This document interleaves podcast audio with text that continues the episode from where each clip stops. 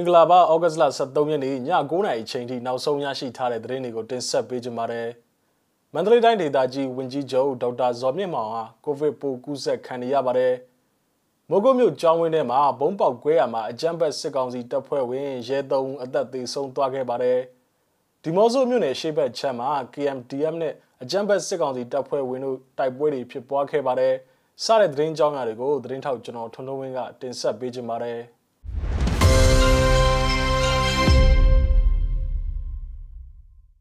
ပထမဆုံးအနေနဲ့တင်ဆက်ပေးခြင်းတဲ့သတင်းကတော့မန္တလေးတိုင်းဒေသကြီးဝန်ကြီးချုပ်ဒေါက်တာဇော်မြင့်မောင်ဟာ COVID-19 ရောဂါပိုးကူးစက်ခံထားရပြီးတော့ဆေးရုံကြီးမှာဆေးကုသမှုခံယူနေတယ်လို့သိရပါတယ်။ဒီကနေ့ဗီဒီယိုကွန်ဖရင့်ဆင်းနဲ့ထုတ်တဲ့ရုံးချိန်မှာဆရာစော်ကကျွန်တော်ကိုဗစ်ဖြစ်နေတယ်အောက်ဆီဂျင်ရှူနေရတယ်လို့သူ့ရဲ့ရှင်းနေတူကဆိုပါတယ်။အိုးဘိုအချင်းတော်ထဲမှာတက်စကစ်နဲ့စစ်ဆေးကြည့်ရမှာပိုးတွေ့ရှိခဲ့ပေတဲ့မန္တလေးဆေးရုံမှာနှာခေါင်းတိုးဖက်ယူကစစ်ဆေးကြည့်မှပိုးတွေ့ရှိခဲ့ခြင်းဖြစ်တယ်လို့သိရပါတယ်။ ဒေါက်တာဇော်မြင့်မောင်ဟာသွေးကင်ဆာခံစားနေရသူဖြစ်ပြီးတော့စစ်တပ်ကအာဏာသိမ်းပြီးကတည်းကဖမ်းဆီးခံရကအိုးဖို့အကျဉ်းထောင်ထဲမှာစေကူတာမှုခံနေရသူလည်းဖြစ်ပါတယ်။အကြံဘက်စစ်ကောင်စီကဒေါက်တာဇော်မြင့်မောင်ကိုရာဇသတိပုံမှန်95ခါခွေတဘာဝဘေးအနေနဲ့ဆိုင်ရာစီမံခန့်ခွဲမှုဥပဒေပုံမှန်25အဂရိလိုက်စားမှုတိုက်ဖြတ်ရေးဥပဒေပုံမှန်55တို့ဖြင့်တရားစွဲဆိုထားတာပါ။အာဏာသိမ်းစစ်ကောင်စီက LND အစိုးရအဖွဲ့ဝင်များနဲ့ဝန်ကြီးချုပ်များကိုပုံမှန်95ခါခွေဖြင့် စတင်အမှုဖွင့်ခဲ့ပြီးတော့မကြာမီမှာဝန်ကြီးချုပ်ချို့နဲ့အစိုးရအဖွဲ့ဝင်ချို့တို့ကိုအဂရိအမှုပြေထပ်မံအမှုဖွင့်ခဲ့တာပါ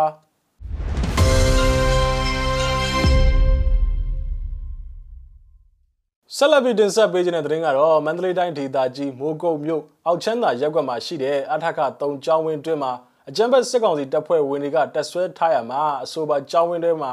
ဘုံပေါက်ကွဲမှုဖြစ်ပွားခဲ့ရမှာအကြံဘက်စစ်ကောင်စီတပ်ဖွဲ့ဝင်ရက်တက်သား3ဦး အသက်သေဆုံးခဲ့တယ်လို့ဒေသခံတွေကဆိုပါတယ်။အဆိုပါဘုံပေါက်ကွဲမှုကဒီကနေ့ဩဂတ်စ်လ23ရက်နေ့ညနေ9:00နာရီဝန်းကျင်အချိန်ခန့်မှာဖြစ်ပွားခဲ့ခြင်းဖြစ်ပါတယ်။အတန်ကျဲကြီးကြားလိုက်ရတယ်ကြည့်တော့မကြည့်ရဲဘူးအခုတော့စစ်သားတွေကရဲတွေကအလုရှုံနေကြတယ်။၃ယောက်သေတယ်လို့ပြောနေကြတယ်လို့ဒေသခံတူက The Nation Voice ကိုဖြေကြားခဲ့ပါတယ်။ဆိုပါစာတင်ကျောင်းဝင်းအတွင်းမှာတက်ဆွဲထားတဲ့တပ်သားများကဒေသခံပြည်သူများရဲ့နေအိမ်ချို့ကိုဝင်ရောက်ရှာဖွေဖူးခဲ့ကြောင်းသိရပါတယ်။ မိုးကုတ်မြို့မှာဩဂတ်စ်လ9ရက်နေ့ကအချုပ်ထောင်ကိုပေးပို့တဲ့ထမင်းထုတ်ထဲမှာဘုံပါလာခြင်းကြောင့်ပောက်ကွဲမှုဖြစ်ပွားခဲ့ပြီးတော့ရဲတပ်သား3ဦးဒဏ်ရာရှိခဲ့တဲ့အတွက်ပြင်းဦးလင်စစ်ဆေးရုံကိုပို့ဆောင်ကုသပေးထားရပါသေးတယ်။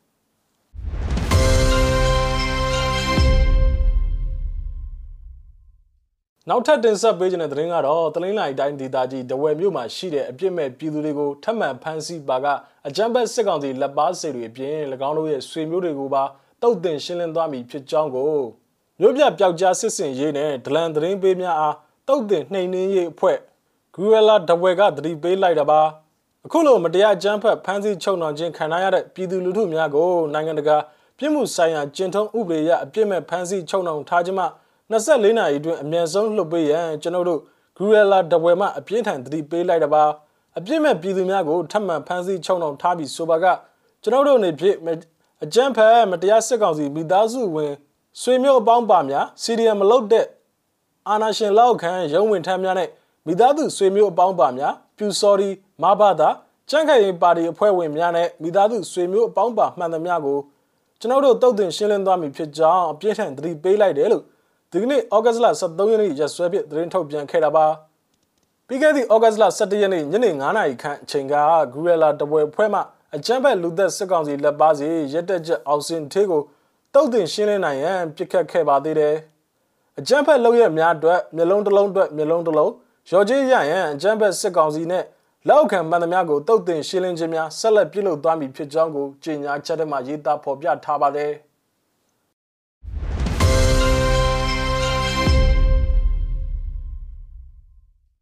ထပ်မံတင်ဆက်ပေးခြင်းတဲ့သတင်းကတော့ Green ပြည်နယ်ဒီမော့ဆိုမြို့နယ်အတွင်းမှာရှိတဲ့ T4 ကလိုကျေးရွာနီးတစ်ဝိုက်မှာ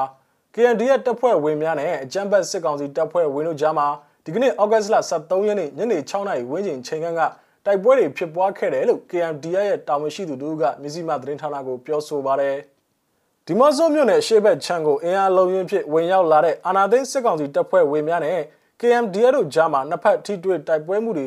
ဖြစ်ပွားခဲ့တာပါဒီကနေ့တိုက်ပွဲဖြစ်တာတော့ရှိတယ် ဒီနေ့6နာရီလောက်မှာပါဒါပေမဲ့မြေပြင်အခြေအနေကလည်းအဆက်အသွယ်မရသေးတော့အကုန်လုံးကိုပြောလို့မရသေးဘူးလို့ KMD ရဲ့တာဝန်ရှိသူတူကဆိုပါတယ်ဆိုပါတိုက်ပွဲနဲ့ပတ်သက်ပြီးနှစ်ဖက်ထိခိုက်မှုနဲ့တိုက်ပွဲအသေးစိတ်ကိုတော့လောလောဆယ်မှာမသိရှိရသေးပါဘူး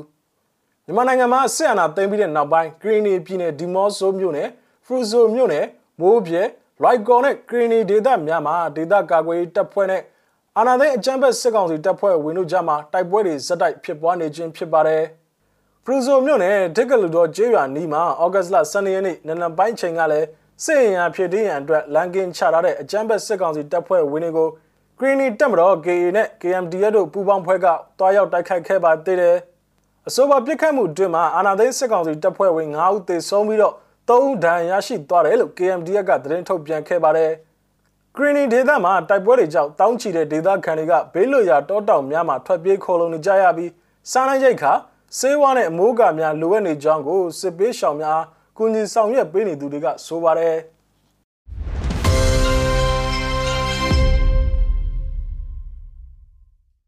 နောက်ဆုံးနေ့နဲ့တင်ဆက်ပေးခြင်းတဲ့သတင်းကတော့ဖက်စစ်စစ်တဲ့အမြင့်ဖြတ်ဆိုတဲ့ကြွေးကြော်တန်တွေဖြစ်မန္တလေးတပိတ်အင်အားစုညတပိတ်အင်အားစုကဒီကနေ့ဩဂတ်လ23ရက်နေ့ညပိုင်းချိန်ကမန္တလေးမြို့တနေရာမှာညတပိတ်ပြုလုပ်ပြီးတော့လမ်းလျှောက်ချီတက်ဆန္ဒပြခဲ့ကြပါတယ်။အာနာယုတ် ချတဲ့ဟိုးရဲဟိုးရဲ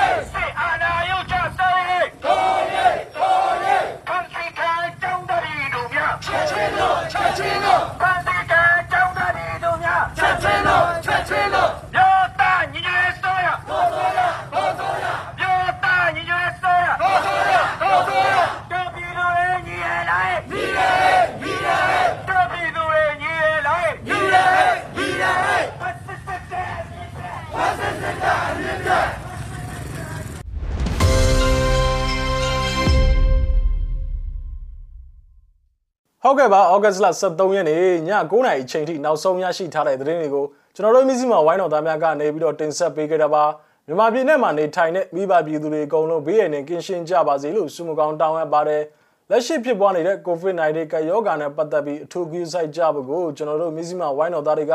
တိုက်တွန်းလို့ဆိုချင်ပါတယ်နောက်ထပ်ရရှိလာမယ့်သတင်းတွေအတူတူကျွန်တော်တို့ပြန်လာခဲ့ပါမယ်